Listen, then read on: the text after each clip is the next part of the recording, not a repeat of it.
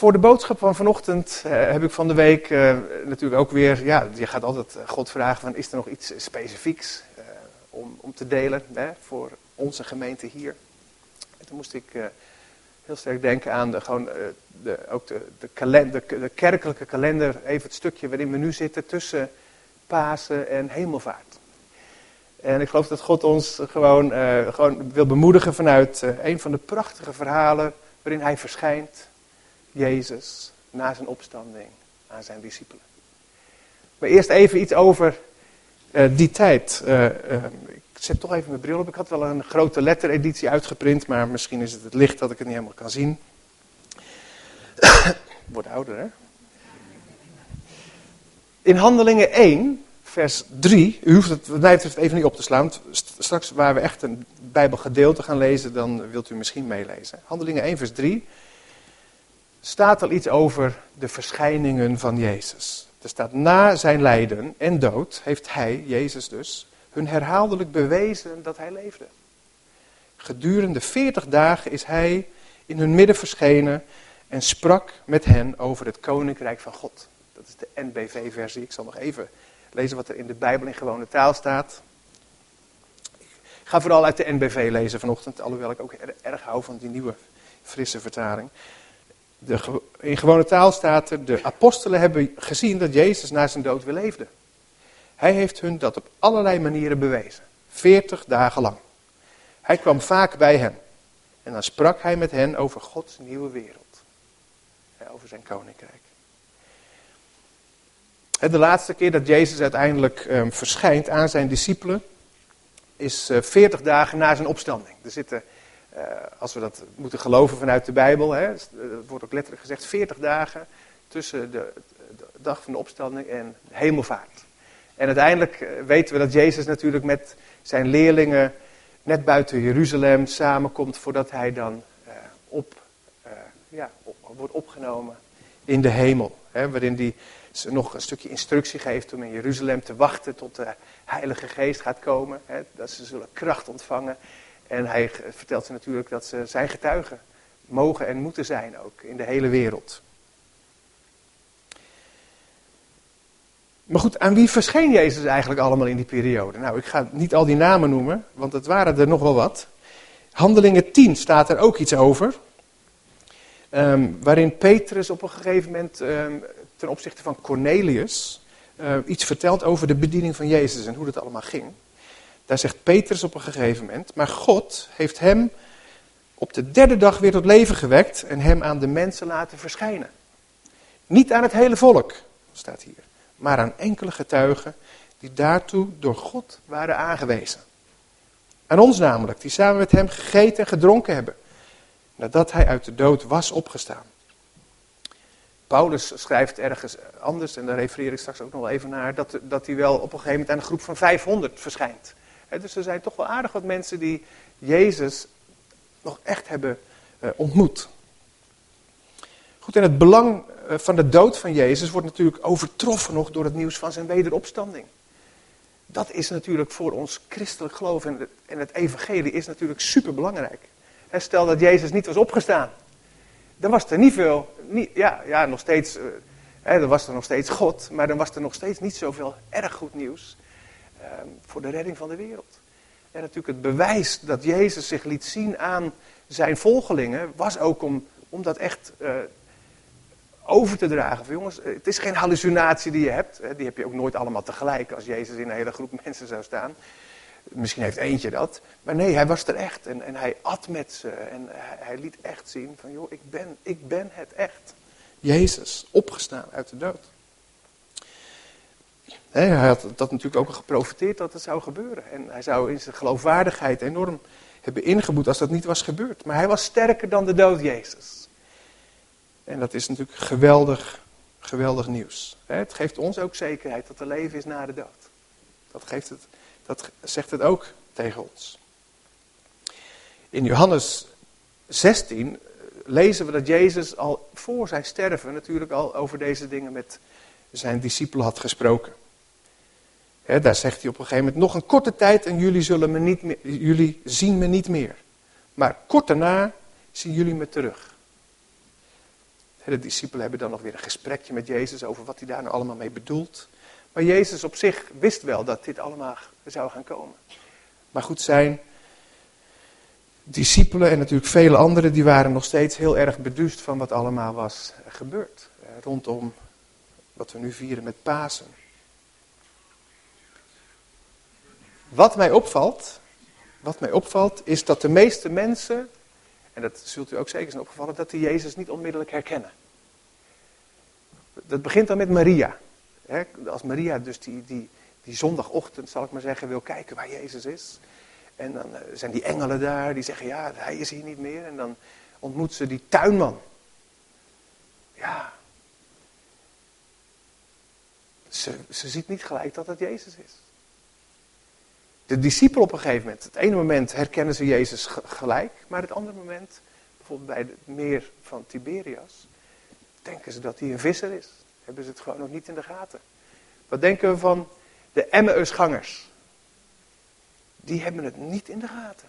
Die lopen uren, denken gewoon dat het een vreemdeling is.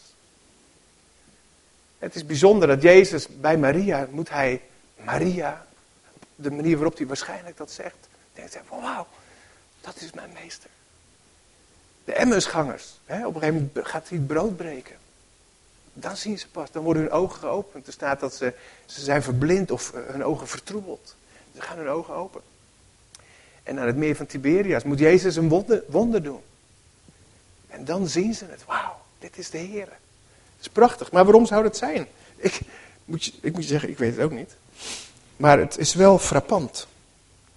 En er staat zelfs letterlijk op een gegeven moment in Marcus, Marcus 16 bijvoorbeeld vers 12, er staat daarna, want in alle evangelieën staat wel iets over de verschijningen. Daarna is hij in een andere gedaante, staat er letterlijk, geopenbaard aan twee van hen, terwijl zij wandelen en naar het veld gingen. In de Bijbel in gewone taal staat daar, nu zag Jezus er anders uit.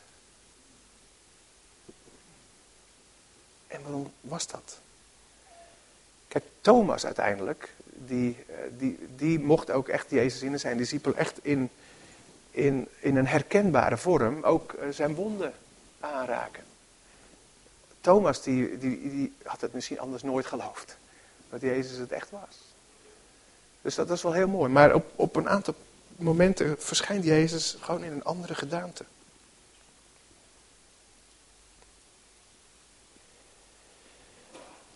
Paulus, interessant, die noemt in 1 Korinthe 15 ook een heel lijstje van mensen waar Jezus aan verschijnt. En veel van die, uh, van die uh, gebeurtenissen zijn niet per se letterlijk opgeschreven in de Bijbel. Goed, Paulus noemt er dus een aantal van. En, um, en goed, het is duidelijk dat Jezus dus aan meer mensen verscheen dan wij dus zo kunnen lezen in de evangelie. Paulus zegt op een gegeven moment ook hij wel dus aan die groep van meer dan 500 verscheen. In 1 Korinthe 15 staat dat. He, maar doordat Jezus natuurlijk ook niet beperkt was door tijd en ruimte, was hij wel in staat ook om heel veel te doen. Ik denk ook niet meer dat hij uh, de beperkingen natuurlijk uh, had die wij in ons menselijk lichaam nog wel hebben. Hij had, had natuurlijk een verheerlijkt opstandingslichaam gekregen. Wat ik ook interessant vind, als we even kort nog kijken naar die verschijningen, en dan gaan we naar één mooi verhaal kijken waarin Jezus verschijnt. Wat Paulus doet, ook in 1 Korinthe 15, is dat hij zijn eigen ontmoeting met Jezus op de weg naar Damascus zet in dat rijtje van verschijningen van Jezus. Interessant, want dit was na hemelvaart. Al die andere waar, waar Paulus aan refereert zijn voor hemelvaart. toen was Jezus nog onder ons, in zekere zin. Maar, Paulus, de christenvervolger, Saulus, nog op dat moment. Um, ja, Jezus is al opgevaren naar de hemel. En het is dus interessant, Paulus, Saulus, die heeft wellicht ook niet een man gezien van 1,80 meter, met misschien hele liefdevolle, warme, indringende ogen, lang haar, baard. Ik weet niet hoe Jezus eruit heeft gezien. Maar er staat dat er een licht, een hemelslicht, uh, dat op, de, op die manier zag hij Jezus. En het was op klaarlichte dag natuurlijk. In het Midden-Oosten, nou dan lijkt me de zon al behoorlijk licht. Maar dit licht was dan waarschijnlijk zo intens voor hem dat dat natuurlijk nog vele malen groter was. En hij wist dat hij wist dat hij wist dat hij Jezus daar ontmoette. is interessant, dus een verschijning van Jezus, dus na zijn hemelvaart. En Jezus deed dat natuurlijk met een hele goede reden, want hij wist wat hij met Saulus van plan was. Dus even kijken, daar staat het ook ergens. Oh, sorry. Paulus die zegt daar even kort iets over, uh, over zijn eigen hè, ontmoeting met Jezus. Hij zegt in 1 eh, Korinthe 15 vers 8. Pas op het laatst is hij ook aan mij verschenen. Aan het misbaksel dat ik was. Dat staat letterlijk in de NBV. En, in, het staat nog, uh, nog anders weer in uh, Bijbel in gewone taal. Omdat hij gewoon wist dat hij als christen, christenvervolger natuurlijk eigenlijk maar een hele slechte, nou ja, goed, slechte persoon was. Maar goed, pas op het laatst is hij ook aan mij verschenen, zegt Paulus, aan het misbaksel dat ik was. Maar goed, dat zou cruciaal blijken in het bereiken natuurlijk vooral van de heidenen. In Handelingen 26 beschrijft Paulus deze ervaring. En daar citeert hij de woorden van Jezus, vers 15, Handelingen 26. Ik ben Jezus die jij vervolgt. Maar kom nu overeind, sta op, want ik ben aan je verschenen om je aan te stellen als mijn dienaar. Dat je bekend zult maken dat je mij hebt gezien en zult getuigen van alles wat ik je nog zal laten zien. Dan later in vers 9, 19, sorry, heeft Paulus het ook over deze hemelse verschijning. Ik denk het hele onderwerp van die verschijning of de openbaring van Jezus of epiphany wordt ook wel eens gezegd. Hè? Het is een soort goddelijke verschijning. En dat is op zich natuurlijk een studie een studie op zichzelf waard. En hoe werkt dat in onze tijd? verschijnt Jezus nog steeds op die manier aan mensen? We weten in dromen en visioenen. Als we ook bidden voor de moslimwereld, voor, voor, een, voor, voor een openbaring van Jezus, dan zien mensen dromen van Jezus. Um, heel boeiend. Elders in het Nieuwe Testament wordt ook nog best regelmatig uh, geschreven over de, de, verschijning of de openbaring van Christus, maar dan heeft dat meestal betrekking op de wederkomst van Jezus. Bijvoorbeeld in Titus 2, vers 13, in afwachting van de verschijning van de majesteit van de grote God en van onze redder Jezus Christus. En in dit voorbeeld, en er zijn een aantal andere, wordt gerefereerd aan zijn wederkomst. En dan zullen we hem allemaal weer zien. Nog even een laatste hele interessante verschijning ook van Jezus in het Nieuwe Testament. Dat is eigenlijk aan Johannes. Als hij is verbannen naar Patmos. Openbaringen 1 vers 1. Daar staat het gelijk al. Openbaring van Jezus Christus. Die hij, Johannes, van God ontving. Openbaring van Jezus Christus. En dan zegt Jezus in 1 vers 17, openbaringen, zegt tegen Johannes, wees niet bang. Ik ben de eerste en de laatste. Ik ben degene die leeft. Ik was dood, maar ik leef. Nu en tot in eeuwigheid. Christus verschijnt hier aan Johannes in een, in een veel grotere majesteit en wijze waarop Johannes hem ooit had gezien. En hij valt als dood aan zijn voeten.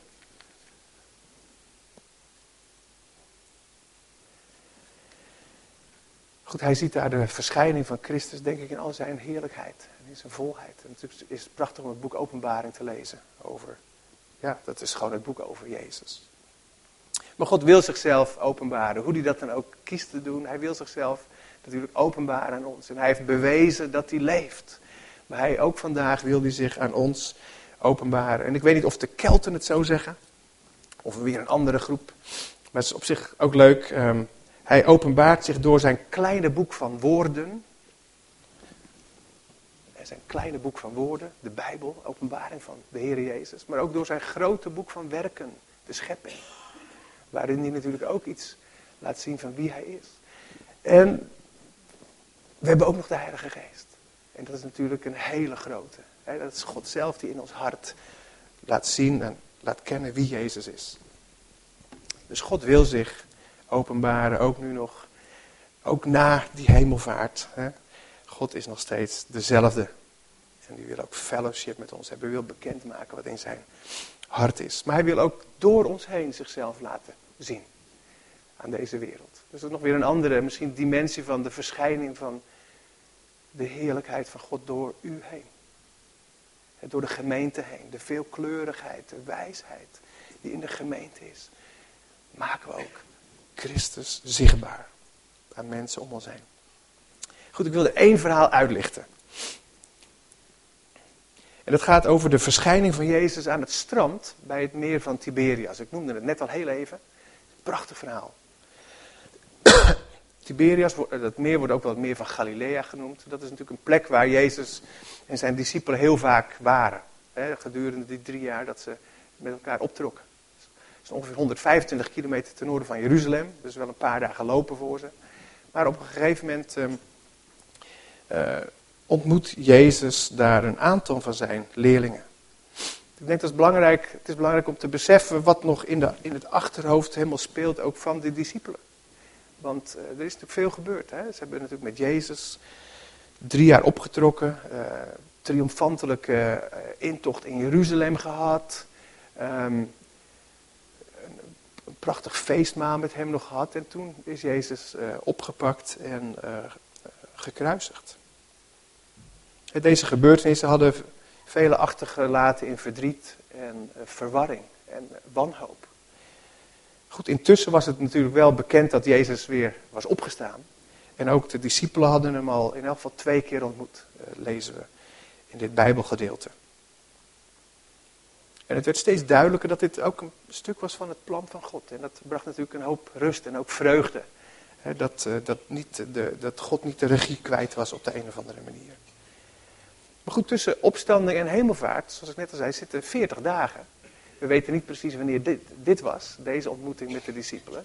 Maar dat is bijna zes weken. En als je niet weet wat er allemaal uh, nu staat te gebeuren, ja, zes weken, vooral voor zo'n ongeduldig typeje als Petrus,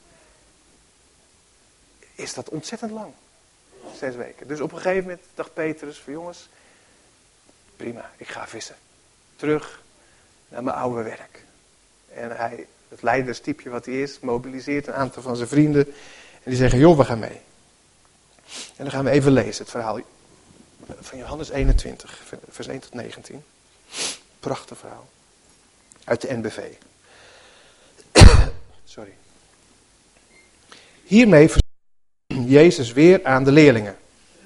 Nu bij het gebeurde als volgt. Bij het meer waren Simon Petrus en Thomas, Nathanael uit eh, Cana in Galilea, de zonen van Zebedeus en nog twee andere leerlingen. Petrus zei, ik ga vissen.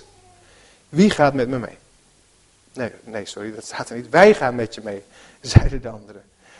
Ze stapten in de boot, maar de hele nacht vingen ze niets. Toen het al ochtend werd, stond Jezus op de oever. Al wisten de leerlingen niet dat het Jezus was. Hij riep, hebben jullie soms iets te eten? In de andere vertalingen staat eerst nog wel van vrienden. Of, hé, uh, hey, jongens, hebben jullie nog soms iets te eten? Nee, antwoordden ze. Gooi het net uit aan stuurboord, of gooi het net aan stuurboord uit, riep Jezus. Dan lukt het wel. Ze wierpen het net uit en er zat zoveel vis in dat, dat ze het niet omhoog konden trekken.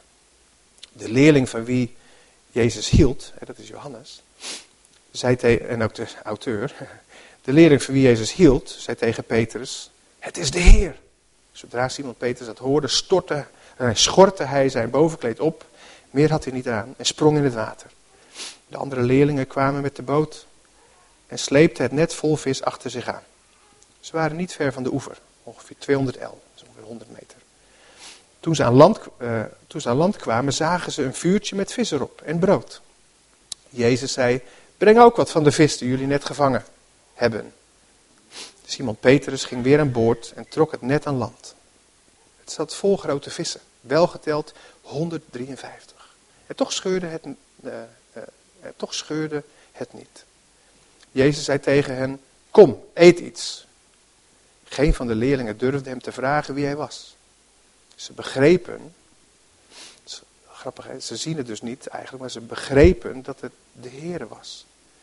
Jezus nam het brood en gaf hun ervan. En hij gaf ook hun, hun ook vis. Dit was al de derde keer dat Jezus aan de leerlingen verscheen nadat hij uit de dood was opgestaan.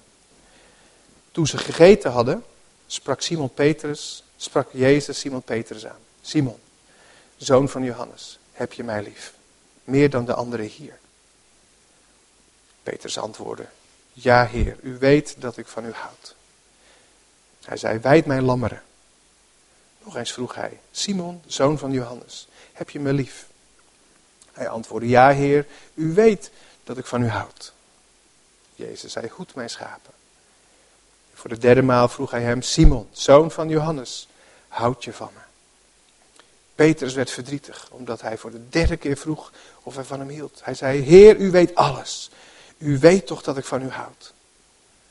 Jezus zei, wijd mijn schapen. Waarachtig ik verzeker je, toen je jong was, deed je zelf je gordel om en ging je waarheen je wilde. Maar wanneer je oud wordt, zal een ander je handen grijpen. Je je gordel omdoen en je brengen waar je niet naartoe wilt. Met deze woorden duidde hij aan hoe Petrus zou sterven tot eer van God. Daarna zei hij, volg mij. Ik laat het daar even bij. Even mijn neus snuiten.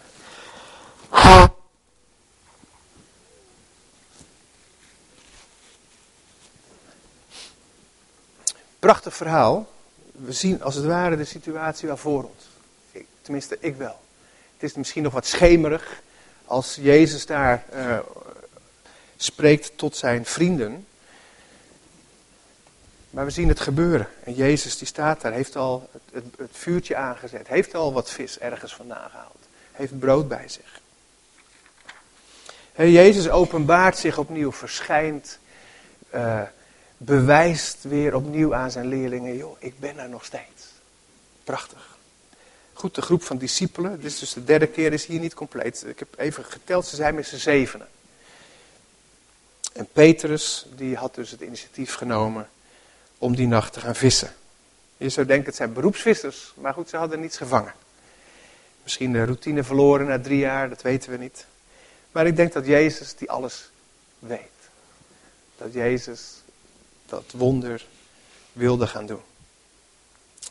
En het staat interessant genoeg niet in deze uh, vertaling die het net lag, maar Jezus die roept ze aan van, hey, vrienden, uh, lieve kinderen staat ergens in een andere vertaling. Lieve kinderen. Het is echt een soort, soort, soort spreektaal. Wij zouden waarschijnlijk zeggen, hey, luidjes, of hé uh, hey, jongens. Zoiets was het. Heel, gewoon heel amicaal eigenlijk. Dat hij vraagt van, joh, hebben jullie wat vis? nou, zou een beetje sarcasme kunnen zijn, want hij wist wel dat ze geen vis hadden. Maar dat, dat uh, Jezus die ziet daar een setting voor een, een, een bovennatuurlijk wonder. En dan hebben zij een grote vangst.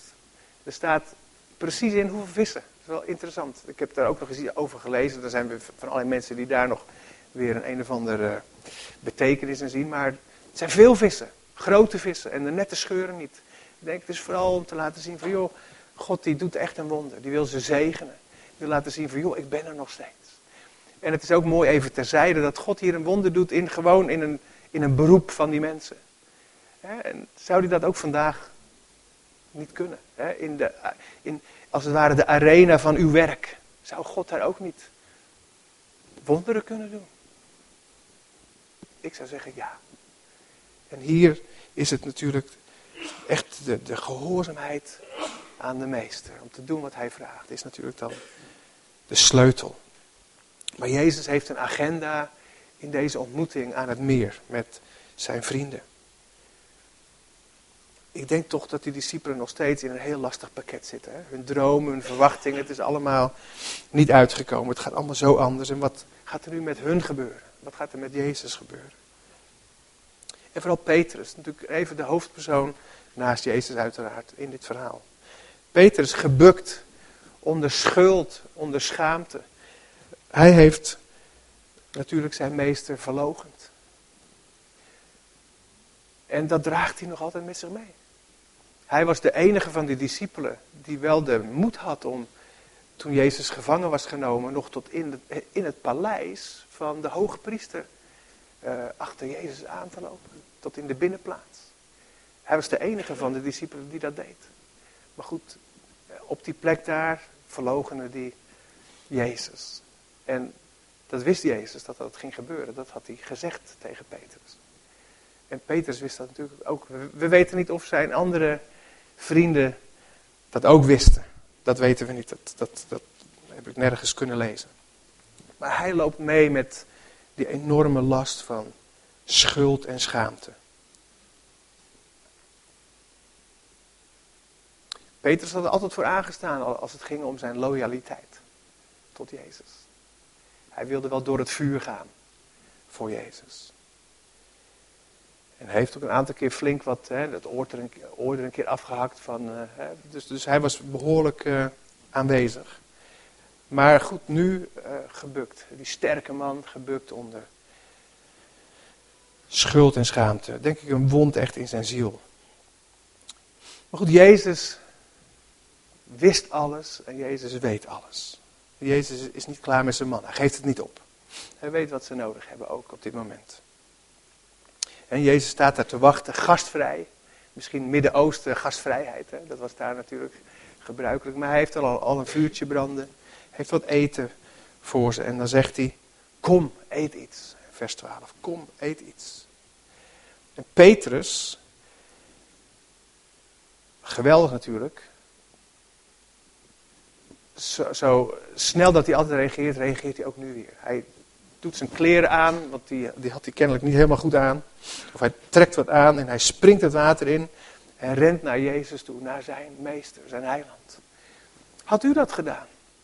Als je zoveel schuld voelt, dan is dat een, ook een confrontatie. Dan zou je ook de optie kunnen kiezen voor het, het verstoppen of het wegrennen. Maar Peter is hier, die rent naar Jezus toe. Dat vind ik echt prachtig. Jezus nam het brood. Dat doet hij natuurlijk vaker als we lezen dat hij met zijn vrienden is. Nam het brood. Geeft dat aan zijn discipelen. En, en ook eh, gaf ze wat vis. En dan volgt dat diepe, intensieve, intense gesprek met Petrus.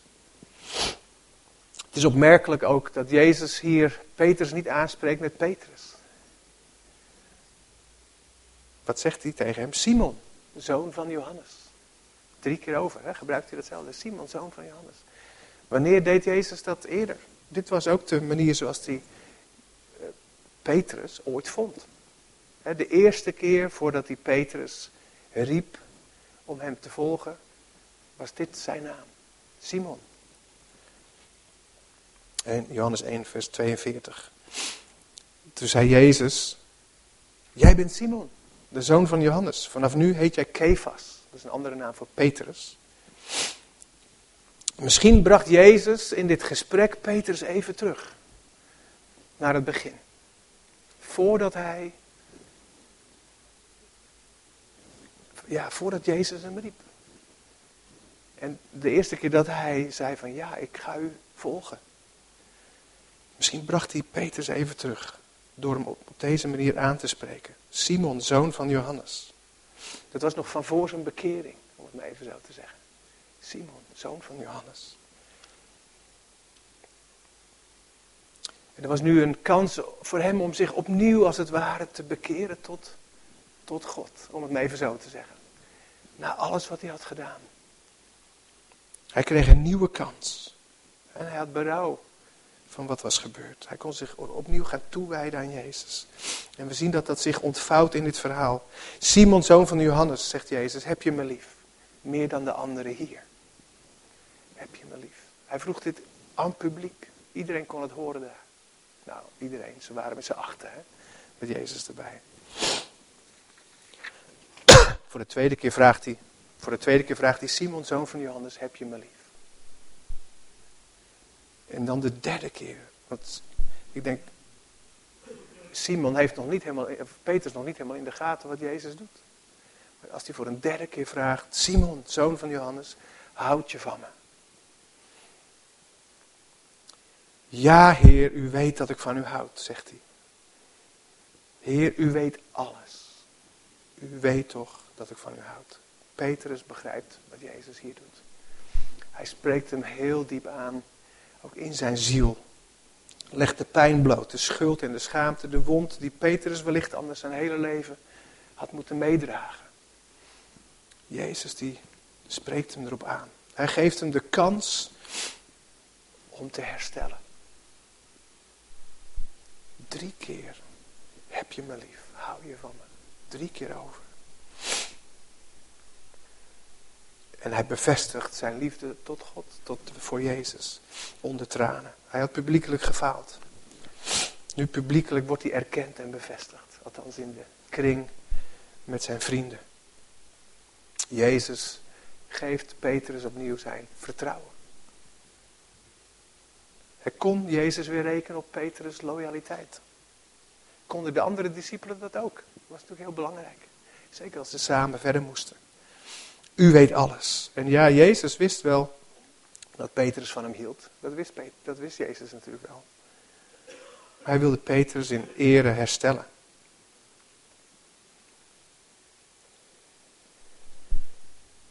Driemaal geeft Jezus Petrus ook de opdracht om te zorgen voor zijn volk. Wijd mijn lammeren, eh, mijn schapen. Dat komt eigenlijk op hetzelfde neer. Zorg, ga zorgen voor mensen die bij mijn family horen, wereldwijd. Petrus is, is een soort paaster, een voorganger. Iemand die, die door God uh, een stukje verantwoordelijkheid krijgt in zijn gemeente. En Jezus die koppelt als het ware die opdracht aan de liefde die Petrus heeft voor Jezus. Die metafoor van de kudde en de herder is natuurlijk uh, is, is helemaal duidelijk uh, waar het over gaat. Jezus heeft daar eerder over gesproken. En ook wat de rol is van een, een herder. Hè, om kosten wat het kost ook zijn kudde te beschermen. Om als er een schaap verloren is, om die te gaan zoeken.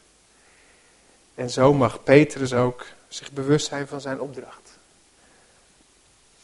Om een herder te zijn, ook voor de schapen die horen bij de kudde van God.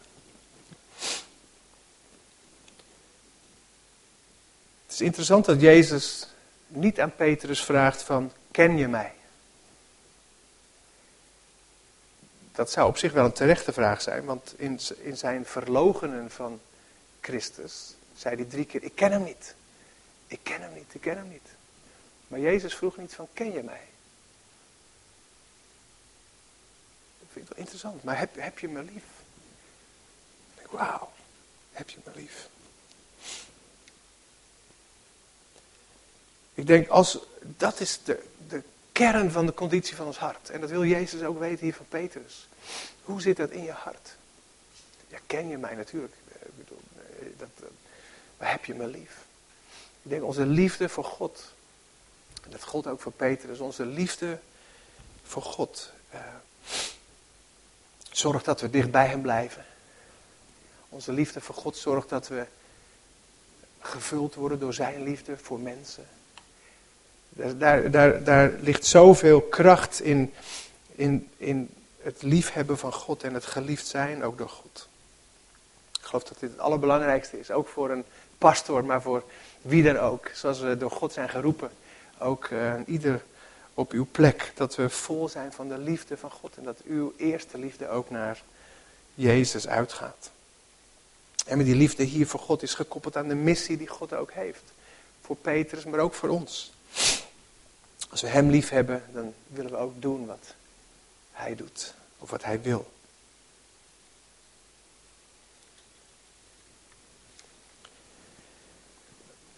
Sorry, ik moet weer even mijn neus snuiten.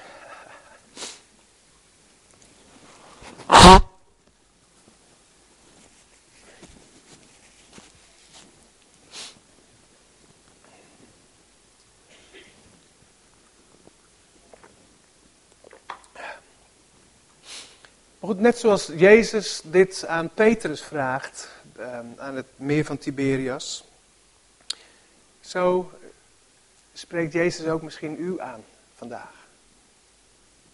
Gewoon hier in Bethel, op 3 mei. De kernvraag, de oude vraag, de kernvraag van Jezus. Heb je me lief? Houd je van me? En na alles wat is gebeurd, na alle teleurstelling, na alles wat over mij is gezegd, na alles wat jij verknald hebt, houd je van me. Misschien bent u uw roeping kwijtgeraakt, doordat het gewoon is mislukt. Door uw eigen schuld of de schuld van iemand anders, maakt niet uit. Jezus zegt vandaag tegen u, ook tegen mij, heb je me lief. Heb je me lief. Wijd mijn schapen. Voed mijn lammeren. Ik moest zelf, zelf ook denken, even terugdenken aan mijn eigen. Gewoon hele diepe ervaring met God in de zomer van 1987. Ik was toen 22. Het ging gewoon niet zo goed met me, op zich lichamelijk wel, maar in mijn leven met God, uh, dat ging gewoon niet, uh, niet goed. En uh, ik voelde echt afstand tot God. Ik, ik, had, ik had ook, compromissen in mijn leven. Gewoon zonde doen. Dat je gewoon weet dat je dat doet en je stopt er niet mee. Um, ja, dat was echt, denk ik, ook verdriet naar God toe. En um, ik had wel momenten dat ik, uh, vooral als ik ergens in, in een gemeente of hier was of op andere plekken waar aanbidding was, dat ik me dicht bij God voelde. Ik was dus die zomer met een broer en een vriend naar de bron, naar een lofprijsconferentie. Maar goed, het ging eigenlijk niet zo goed met me. Ik voelde me ja, eigenlijk vies en uh, ja, niet, niet waardig, ook uh, zeker niet naar God toe. En de eerste bijeenkomst van die conferentie, en er waren misschien wel vijf of zeshonderd mensen, was er iemand, ik weet niet eens wie het, wie het is, een mevrouw uit Amerika, die gewoon woorden uitsprak over de, zal maar de gemeente die er was. Hè? De, alle conferentiegangers. En, um, dus niet specifiek naar mij, maar God, uh, als het ware, verscheen door haar woorden heen aan mij. Dat de liefde van God zo zo duidelijk werd. De, de vergevende liefde van God. Zijn verlangen om mij te kennen, om met mij samen te werken. Dat kwam gewoon naar me toe. En ik heb ongeveer toen een week gehuild. En ik herken sommige van de dingen die Petrus hier meemaakt, weet je. Dat de Heer weer gewoon naar je toe komt. Gewoon met, met liefde van, joh, kom, eet wat. Kom, eet wat. Ik wil bij je zijn. Het maakt eigenlijk niet uit wat er allemaal is gebeurd. Ik wil je gewoon vergeven. En ik wil je opnieuw in je roeping bevestigen. Dat gebeurde voor mij ook. Dingen als zending was er zo vaak naar me toegekomen. Ik kon er helemaal niets mee. Maar vanaf dat moment wist ik het. Dit is wat God wil. Maar God wil dat ook vandaag doen met ons. Als we voelen van, joh, afstand tot God. We zijn misschien wat teleurgesteld ook. Of we weten niet hoe het verder moet er staat misschien wel iets tussen u, u en God in. En dat kan een ander ertussen hebben geplaatst of uzelf. Misschien bent u wel, voelt u zich wel schuldig en, en uh, dat u heeft gefaald. Heeft u misschien zelfs net als Petrus Jezus verloochend in uw hart. Of met uw woorden. Misschien bent u uw roeping kwijtgeraakt. Ja, dat kan ook. Dat Petrus, die wist het ook niet meer, die ging maar weer vissen. Ik wil gewoon vanochtend zeggen in de naam van onze Heer, dat Hij het met u ziet zitten. Net zoals hij het met Petrus zag zitten. Ook al had hij er niks van gebakken. Hij zag het zitten met Paulus, die, zichzelf een misbaksel noemt. Jezus verschijnt en zegt, joh, ik zie het met je zitten. Ik wil met je aan de slag.